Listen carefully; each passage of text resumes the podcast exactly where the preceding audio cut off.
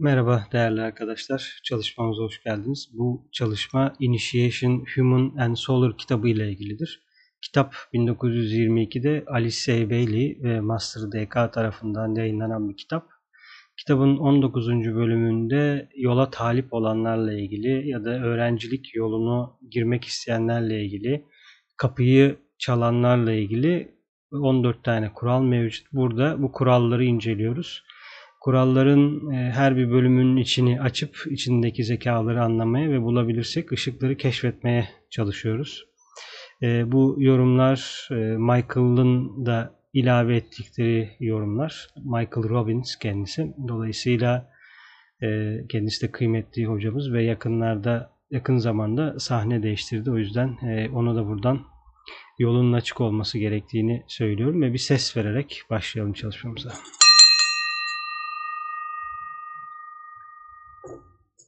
Evet ilk 3 videoda e, ısı, sıcaklık ve soğuklukla ilgili birçok şeyden bahsettik. Dolayısıyla e, ve oradaki zekaların da bize dahil olduğunu ve sıcaklık ve soğuğun gün içinde ya da günlük hayatta ya da kültürün içinde de ne kadar çok yer bulduğunu gördük. Aslında hayatımızı koşullandıran ve şekillendiren şeylerin başında geliyor sıcaklık ve soğukluk. Her ne kadar bu kavramlar böyle fiziksel kavramlar gibi dursa da aslında e, ısınmak isteyen de bir yapımızın olduğunu da görüyoruz. Yani belki kendinizde bu olmasa bile etrafımızda böyledir. İnsanlar ısınmak ve soğukluklarını ya da bulundukları seviyeden aşağı inmek için e, var güçleriyle bunu sağlamaya çalışıyorlar. Evet, e, sanırım 11'de kalmıştık doğru hatırlıyorsam. Oradan devam edebiliriz. Evet, evimiz bu arada kedili bir ev olduğu için arkada evimizin kedisi Lapis de burada.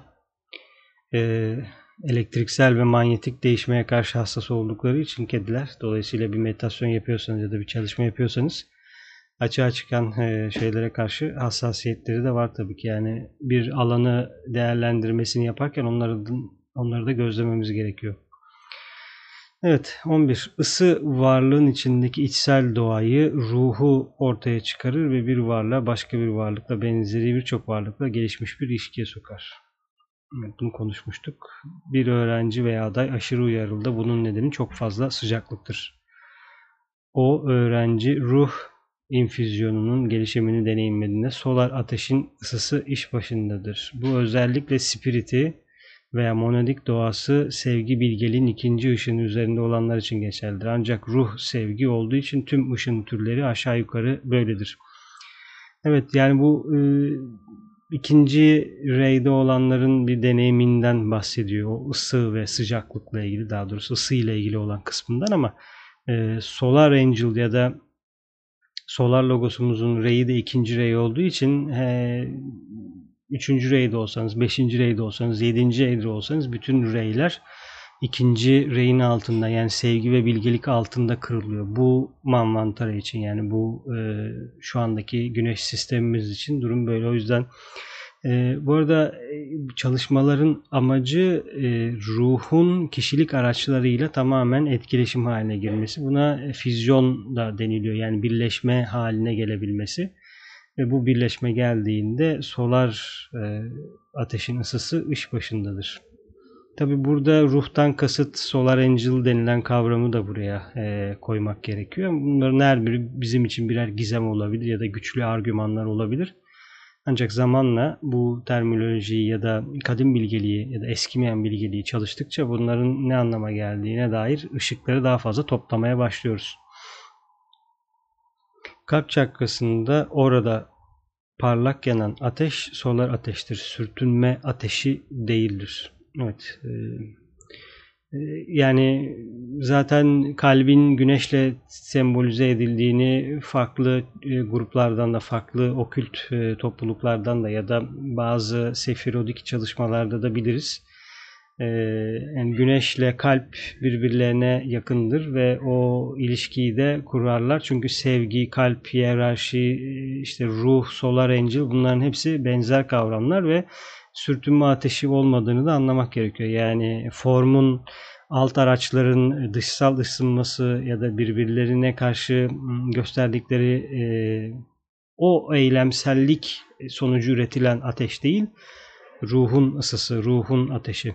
Bu önemli bir ayrıntı çünkü bir elektriksel ateş var. Yani bu birinci ilke e, spirit monad ya da yaşam yönü ya da işte buna üçlemede baba diyebiliriz. İşte baba oğul kutsal ruh gibi. İkincisi oğul bu güneş ateşi yani sevginin ateşi. Bir de kutsal ruh madde, form, zeka, doğa da gördüğümüz ateş. Bunlar e, yükseklik, alçaklık gibi gözükse de bizim şu an algımızda her birinin kendi içinde de yüksek seviyeli tarafları var tabii ki. Yoksa birbirlerine e, karşılık gelemezler. Yani baba daha yüksekse diyelim ki tırnak içinde. E, anne daha düşükse ya da oğul daha düşükse o zaman birbirleriyle aralarındaki ilişki nasıl kuruluyor? E, o yüzden üçgenlerin doğasını anlamak önemli. Üçgenlerin nasıl çalıştığını anlamak önemli. Bu arada e, Kabala'nın bilgeliği de, mistik Kabala'daki e, sefirotların açıklaması da bize burada faydalı olabilir. Çünkü üst üçlüyü anlamak e, bize buradaki ilişkiyi anlamak yani baba oğul kutsal ruh üçgenini anlamak birinci, ikinci, üçüncü reyi anlamak açısından da.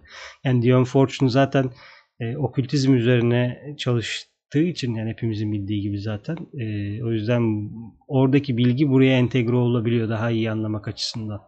Tabii ki orada sürtünme ateşi ya da e, ya da işte formun ateşi, ruhun ateşi ve spiritin, monadın, başlatıcının ateşi demese de biz buradan e, bunun entegrasyonunu anlıyoruz. Evet yani bilgilerin okült olanın zaten entegre olması şey e, mantıklı çünkü yani kova çağına girdiğimizde 7. rey demek bu. Zaten 7. rey sentez reyi. O yüzden bir şeylerin sentezleyerek oluşması zor. Çünkü bütün reyler şu anda 7. reyden topraklanacak. Yani 7. rey aracılığıyla kendini ifade edecekler. O yüzden yani 7. reyin içinde bütün reyler de var bir anlamda tabii ki öyle bakarsak ama bu sizin kişilik reyinizle de birazcık alakalı. Yani siz diyelim ki 1'e 5'seniz ya da 2'ye 6'ysanız yani farklılık olabiliyor tabii ki ama bunun bu yani reylere ya da 7 ışın teorisine, yedi ışına bu kadar e, girmemin sebebi konu zaten bunu barındırıyor. Yani yedi ışın e, öğrencilik yolunun en çok kullanılan e, ilerleme ölçütlerinden ya da e, yol göstericilerinden bir tanesi. O yüzden e, bunları daha iyi anlamak için e, önceki videolarımıza gidebilirsiniz. Orada bunlardan bahsediyoruz. E, yedi ışın üzerine incelemelerde bunlar var. Yani hem aşram inceleniyor hem de planlar inceleniyor. Kural kalp merkezimizin solar ateşin ısısı tarafından canlandırıp canlandırılmadığını keşfetmemizi ister. Canlandırılmış animated kelimesi önemlidir çünkü anima ruh anlamına gelir. Burada da İngilizce kelimelerin arasında bir geçiş yapılıyor. Çünkü kalp çakrası kural bize diyor ki kalbin derin mağarasında ateş yanıyor mu? Yani kalp merkezin aktif olmuş mu? Sevebiliyor musun? Komşunun denilen bir kavram senin için gelişmiş mi? Yoksa solar plexus'ta mısın diyor. Çünkü solar plexus kendisiyle alakalı olan şeylerle ilgili. Ki bugün e, herhalde herkes hemen hemen herkes de görüyoruz yani bir e, mesela bu nasıl yansıyor kıyafetlere, kültüre? Şu an herkes göbeğini gösteriyor ya da göbek açık bir kıyafet giyiyorlar. Bu e, aslında çok büyük bir mesaj. Solar plexus'unu gösteriyorsun. Yani Atlantis'te de e, okuduğumuz kadarıyla ki bazı hatırlayan varlıkların yazdıklarından ya da onları dinleyebiliyorsak o varlıkları orada da zaten konuşma ve anlaşma solar plexus seviyesinde olduğu için bu e, aslında açılan kişiler üzerinde ya da şu dönemimizde açılan karmaları da gösteriyor. Tabii ki şu an sadece Atlantis karması açılıyor demek mümkün değil. Çünkü Lemuria karması da var. Başka yerlerden gelen karmalar da var. Ay'dan gelen karmalar, Mısır'dan gelen karmalar da var. Ama ağırlıklı olarak şu anda Atlantis toplumumuzun üzerinde bayağı bir karma açıyor. Bu belki de Atlantis'te bir şeyleri yapamayan ya da Atlantis'te işlerin e, kötüye gittiği varlıkların burada enkarnasyonunu aldığını ya da e, tesirleri ilettiğini belki de böyle okuyabiliriz bunu. Çünkü Lemuria kendini e, görebilenler için çok net gösteriyor tabi. Tabi böyle karmayı da anlamak yani toplumda hangi karmalar çalışıyor, hangi varlıklar enkarne olmak istiyor bu da önemli bir konu. Çünkü yani kötülük bitti mi? Yani işte Hitler bir şeyleri denemeye çalıştı ekibiyle birlikte. Aradan 70 sene geçti. Biz biliyoruz ki ruhlar bir daha enkarne oluyor. O zaman nerede bu ruhlar? Ee, nasıl görmemiz lazım bunu? Yani işte Hitler bitti. E, o bir şeyin sonucuydu. Yani o başka bir kötü varlığın e, burada bedenlenmiş haliydi. Ama başka bir varlık yani Hitler gider başka bir ülkenin başkanı gelir. Yani e, onu görebilmek önemli. Çünkü forma bakarsak form görürüz. E, ama formun tırnak içinde bir suçu yok. Form daha büyük bir şeyin hareket ettir hareketine tabi.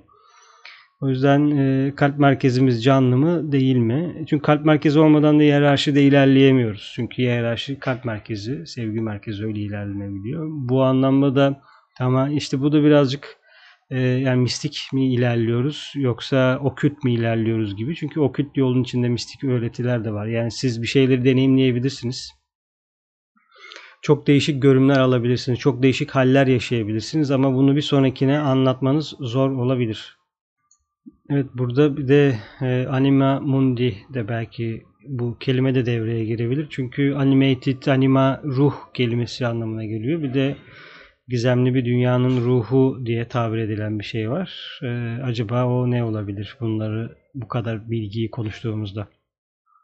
Evet ilerleyelim. Eğer bu ısı canlandırılması devam ed devam ediyorsa bu bir dereceye kadar ruh aşılamanın meydana geldiği anlamına gelir. O kalp enerjisi solar plexus merkezinin arzu edilen enerjisinin yerini alıyordur. Evet yani bu aşılama derken zaten ruhun artık yavaş yavaş araçlara inmesi. Yani mental bedenden astrale, fiziksele inmesi ve tamamen burada ruhun ifadesi anlamına gelmesi. Dolayısıyla kişiliğin rengi artık ruhla karışmış bir renk anlamına geliyor ve ruhun aşılanması, füzyon oluşmaya başlıyor. Füzyondan sonraki amaç zaten olabiliyorsa monadın buraya inmesi ama o önünde tabii ki birçok e, enkarnasyon veya da birçok inisiyasyon yer alıyor. Ee, yani bunları nasıl gözleyebiliriz? Önce bir kişilik ışınının ne olduğunu e, gözleyerek başlayabiliriz. Sonra e, ruh ne demek, ruh burada neler yapıyor, hangi ışınları anlayarak yapabiliriz. Ama hepsinden önce 7 ışın teorisini, 7 ışın ya, teori demeyelim düzeltelim orayı. 7 e, ışını anlamamız gerekiyor. Çünkü o bir teori değil. O pratikte zaten fonksiyonel bir şey. Okült bir araç görünenle görünmeyen arasını anlamak için bize verilmiş en güçlü araçlardan bir tanesi ve kökü ezoterik olana dayanıyor. İşte e, işin en güzel tarafı da bu. Yani öğrenci açısından. Çünkü bir şey çalışıyorsun.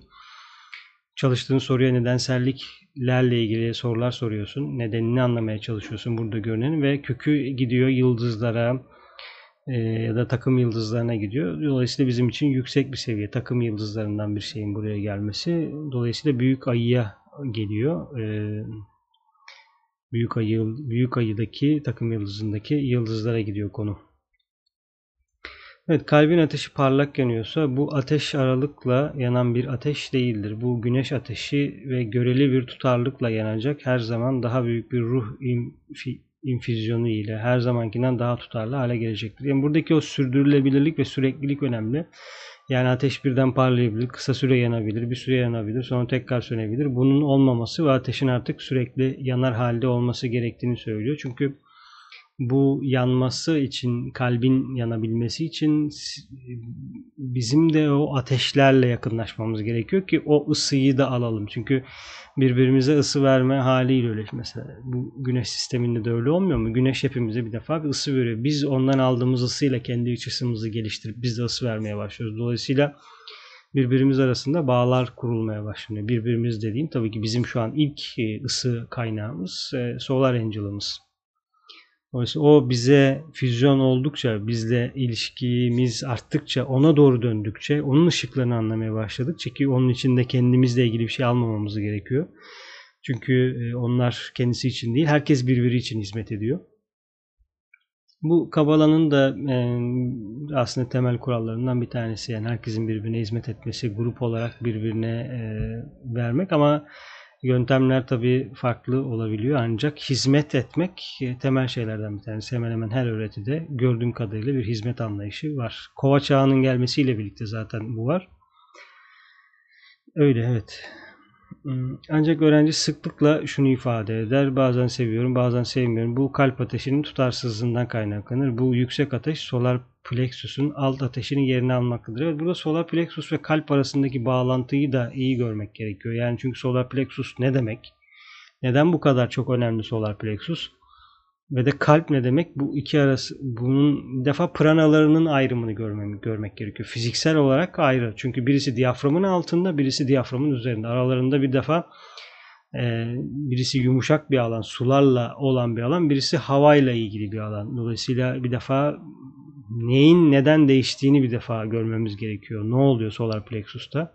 Ve birinci çakra, ikinci çakra ve üçüncü çakra. Üçüncü çakra ile ilgili neler oluyor? Neden mesela hara bölgesi, kalp ya da mide bu kadar önemli? Yani birçok insanın e, ne kadar e, buraya hassas ve düşkün olduğunu bilebiliyoruz. Yani mideden kasıt işte birçok şey anlamına geliyor. E, dolayısıyla mideyi iyi gözlemek gerekiyor. Orada Orası bir anlamda merkez ancak o merkez bizi nereye götürüyor? Neden üzerine bir kalp ihtiyacı gerekiyor? Kalple ne anlaşılıyor? Neden kalple ilgili bir şeyler var? E, çünkü kalpten kasıt e, aynı şekilde o çakra, o çakranın bağlı olduğu seviyeler. Yani çünkü solar plexus bizi e, cazibe denilen çok güçlü kişilik araçlarına götürüyor solar plexus. Çok güçlü kişilikler ee, ama kalp gelişmediğinde o kişilik yıkıma götürebiliyor. Ve ikinci çakranın mayası, cazibesinin den ziyade bizi illüzyon içinde tutuyor. Ki kimisinde illüzyon çok güçlüdür, kimisinde cazibe çok güçlüdür. İllüzyon, cazibe, kibir, gurur bunlar zaten en e, üçlü, dörtlü böyle bir araya gelen şeyler. Ancak illüzyonun, illüzyona kapıldım dediğinde ikinci çakranın eterik canlandırılması anlamına da geliyor bir yerden illüzyon. Yani formun yarattığı e, cazibelere kapılmak. Yani çok kaba örnek veriyorum. İşte bir kişinin kaslı olmasıyla kassız olması işte kaliteli giyinmesi kalitesiz giyinmesi arabanın işte BMW olması Mercedes olması ya da başka bir şey olması ya da işte kadınların e, estetik merakı, güzellik merakı ya da onların etrafa yaydığı bu ışıklar ve bu ışıkların insanlar üzerinde bir illüzyon yaratması e, ve bu bayağı da bir e, uzun süre insanı oyalayan bir ışık. Konuyu tabi çakralara getirmek istemiyorum. Yani sadece konuşacağımız şey çakralar değil ancak çakraların e, etkilerini de görmemiz gerekiyor. Yani kök ne yapıyor, iki ne yapıyor, üç ne yapıyor gibi.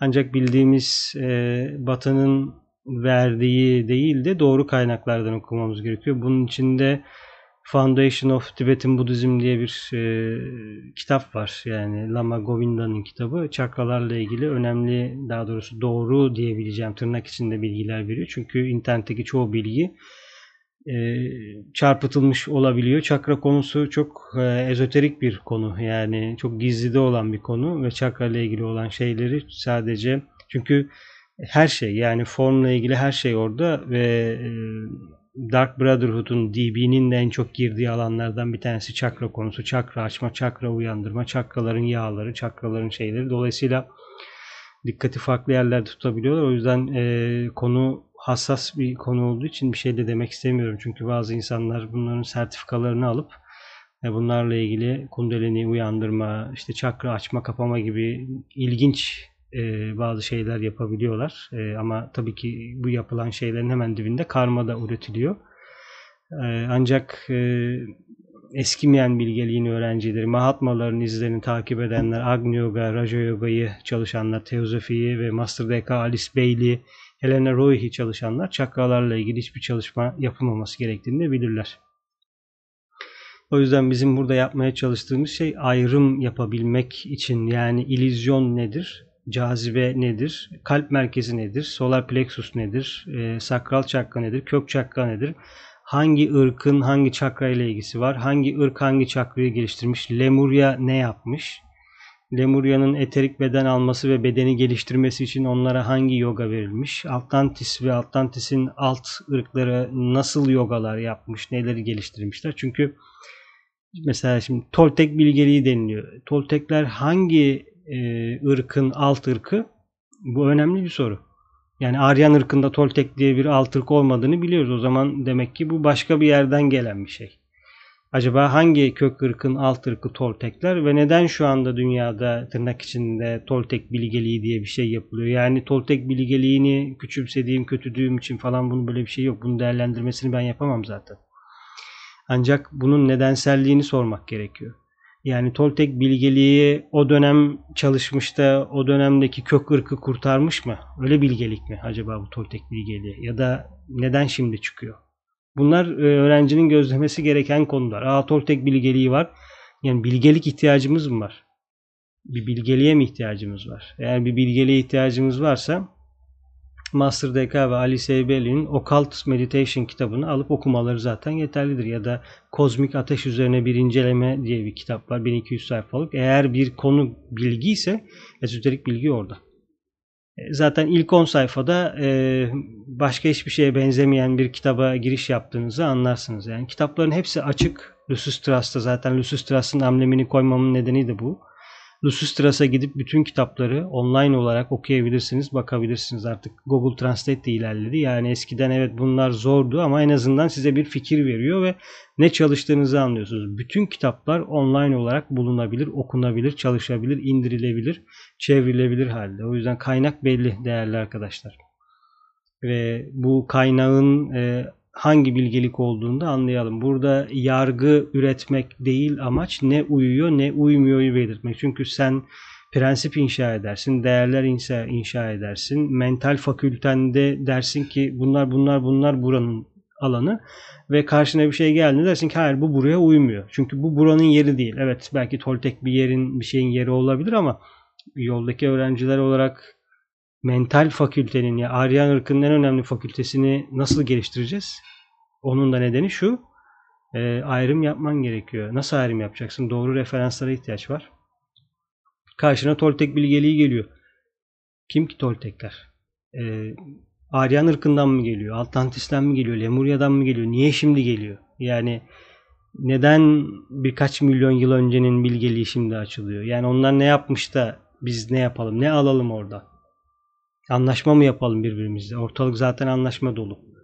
Yani bunu iyi gözlememiz gerekiyor. Çünkü e, yani karanlık kardeşliği nasıl keşfedeceğiz? Nerede karanlık kardeşlik? Yani bir, bir ülke değil ki bunlar. Yani ben karanlık kardeşliğin üzerine böyle bir ben Dark Brotherhood'um falan demiyorlar. Ben DB'yim demiyorlar. Bunlar inisiye ve çalışmalarına devam ediyorlar. Yani, yani biz nasıl ayıracağız bunu? Yani işte ay, ayırmanın anahtarlarını da paylaşmaya çalışıyoruz hep birlikte. Yani işte e, eskimeyen bilgelikte çakra açmak kapamak diye bir şey yok. Kundelini uyandırmak diye bir şey yok. Şimdi orada yoksa başka bir yerde bu varsa nasıl görmemiz gerekiyor bunu öğrenciler olarak? Çünkü ne hangi bilgeliği takip ediyoruz? Mahatmaların izlerini takip ediyoruz. Mahatmalar kimlerle çalışmış? Balavaski ile çalışıyorlar. Helena Roy ile çalışıyorlar. Alice Beatty ile çalışıyorlar. En son dağıtım olarak da Bodo ile çalışıyorlar.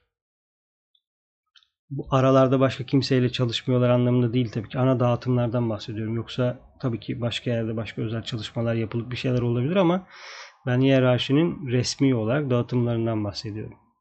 Dolayısıyla burada böyle bir şey bahsedilmiyorsa ve biz bunun dışında bir şeyler yapıyorsak bu nereye gidebilir bu? sorumuz bu. Öğrenciye, yoldaki öğrenciye bunu soruyoruz. Yani bu videoyu izleyen kişi eğer başka çalışmaların içindeyse, başka tırnak içinde sertifikasyonların içindeyse ki bu batının porsiyonlaştırması e, muazzam bir şey. O anlamda çok da güzel dejenere ediyor bazı şeyi. Yani Budizm öğretisinin içinde ahimsa varken e, ahimsayı bize çalıştırmıyor. E, veganlık, vejeteryanlık deyip bunu siyasi bir şey diyor. Şimdi mesela market raflarında vegan ürünler var. Yani diş macununun üzerinde vegan amblemi var. Yani nereye geldik? Sen vegan mı istiyorsun? Hiç sorun değil. Bas abi şeyi e, amblemi üzerine al sana vegan git al. Şimdi kaç milyar dolarlık belki orada bir market oluşturdular. Pazar oluşturdular. Neden? E sen vegan istedin al sana vegan. Bakıyorsun vegan üreten şirketlere. Şirketin bağlı olan başka şirketlerin hiç veganlıkla alakası yok. Gidip başka şeyler üretiyor. Yani sana vegan veriyor, bana vejeteryan veriyor, ötekisine fütüryen veriyor, başkasına başka bir şey veriyor. Sen ne istiyorsun önemli onu? Siyezunu mu? Getirin abi siyezununu. Ee, kök buğday mı? Ne istiyorsun? Atı tohumu mu? Hiç sorun değil. Ne bileyim kavulca mı, sarıca mı? Ne istiyorsun? Tamam getir. Çatalhöyük'te bulunan e, buğdaydan mı istiyorsun? Tamam ektim al sana. Sertifikaya mı ihtiyacın var? 200 mü, 400 mü, 600 mü? Uygulamalı mı? Getir abi. Hayvanlara zarar vermek istemiyorsun. Al işte vegan ol. Gel. Ne oluyor yani? Hani Batı önüne senin bir şeyler koyuyor. Yani Batı dediğim zihniyet anlamında materyalist ve karanlık tarafın yaptığı bir şey oldu. Çok belli tabii ki bu. Bizim önümüze koyuyor. Daha bir şeye bakmadan böyle aramadan sormadan gel meditasyon yap. 2-3 saat kurs al. Böyle devam et. ilerlersin. Bir şeyler olur. Mindfulness. Devam. Ne oluyor? Hedef belli. Kitap belli. Kaynak belli. Yapacağımız iş belli. Bu kadar.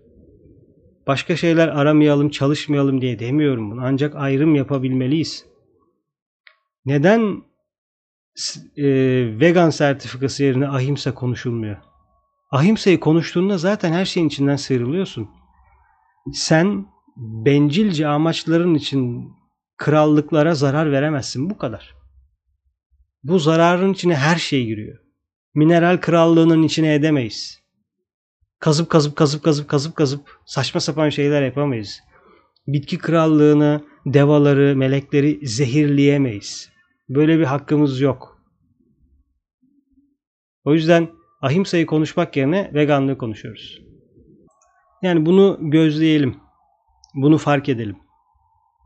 Batı ne yapıyor? O zihniyet ne yapıyor? Çünkü biliyoruz ki Batı aynı zamanda Batı'dan kastımı siz doldurun lütfen e, her 10 yılda bir savaşıyorlar. İşte Libya, Suriye, Afganistan, Irak, Vietnam, Körfez Savaşı, Af yani sürekli bir yerlerde birileri savaşıyor yani kısaca. Ama aynı Batı bize meditasyonu anlatıyor. Ya şunu söylemiyor. Arkadaşlar bizim zararsız olmamız lazım. Ahimsa çalışalım. Hayır. Vegan ol. Küresel ısınma diye bir şey var. Bu da ilginç bir şey tabii. E, veriler var elimizde. Değil mi? Bak işte fotoğraf çekiyorsun. İki fotoğrafı yan yana koyuyorsun. Diyorsun ki birisinde kar vardı, birisinde kar yok. Eyvah. Bu ne demek? Ee, ben yaptım. Sen ne yapıyorsun ki? Dünya anası diye bir varlık var. Bu dünyanın logosu var. Dünyanın bir lordu var. Ee, bizim dikkat hemen bu sefer fiziksel bir şey koyuyor. Evet ya işte şöyle olmalı, böyle olmalı. İşte ne yapalım? İşte e, hayvanların et, et yemek için hayvanların çıkarttığı gazların sonucunda sera gazı etkisi oluyor. Tamam. Getirin abi 3 boyutlu etleri. 3 e, boyutlu yazıcılarda yapılan ya da nanoteknolojiyle yapılan laboratuvar etlerini et yemeye devam edin. Yani önümüzdeki sahneyi değiştiriyorlar ve biz o değişen sahnelerle özdeşleşiyoruz. Yani şimdi karbon diyoruz. İşte iki tane fotoğraf geliyor önümüze. Evet ya ve bir dönem işte pandemiyle ilgili böyle veriler vardı. İnsanlar mavi şeyler giyiyorlardı. Sokaklar ilaçlanıyordu. İnsanları e, kapıların içine yapıyor, e, şey yapıyorlardı. Yani sonuçları bize göster ayrımı iyi yapabilmeliyiz değerli arkadaşlar. Yani ne karanlık ne aydınlık iyi yapabilmeliyiz. Çünkü nasıl göreceğiz bunu? Eskiden İsa öğretmen işte buna işte kurtla kuzuyu ayır dedi. İşte kuzu postundaki kurtlar ya da kuzu e, kurt postundaki kuzuları ayırtın dedi ama bizim şimdi bu ayrıdı nasıl yapmamız gerekiyor? Yani e, gidip oradan bir şeyi cımbızlıyor. E, ahimsadan bir şeyi çekiyor. Vegan diyor. Etiket yapıyor. Her tarafa veriyor. Çakkanı açayım diyor. Ya da işte bak realite var. Gel seni astral dünyada tutayım. Al abi ayahuasca'yı. Çek ayahuasca'yı. Etrafta bir realite gör ama burada kal. Yani niye beni astralde tutuyorsun arkadaşım? Ne var yani bu kadar? Yani bu dünyanın karışıklığı yetmiyor gibi bir de astralden izlenim mi almak istiyoruz yani? Ne olacak? İki tane renk görsek ya da iki tane farklı varlık görsek kendimizi özel mi hissedeceğiz? Bu mudur yani? Thomas gibi. Yani dokunarak mı inanalım? İsa beliriyor, geliyor dokunuyor. Şüpheci Thomas oluyor ismi. Hepimizde var şüphecilik işte. Ayahuasca içiyorsun diyorsun ki abi spirit dünyası diye bir şey varmış.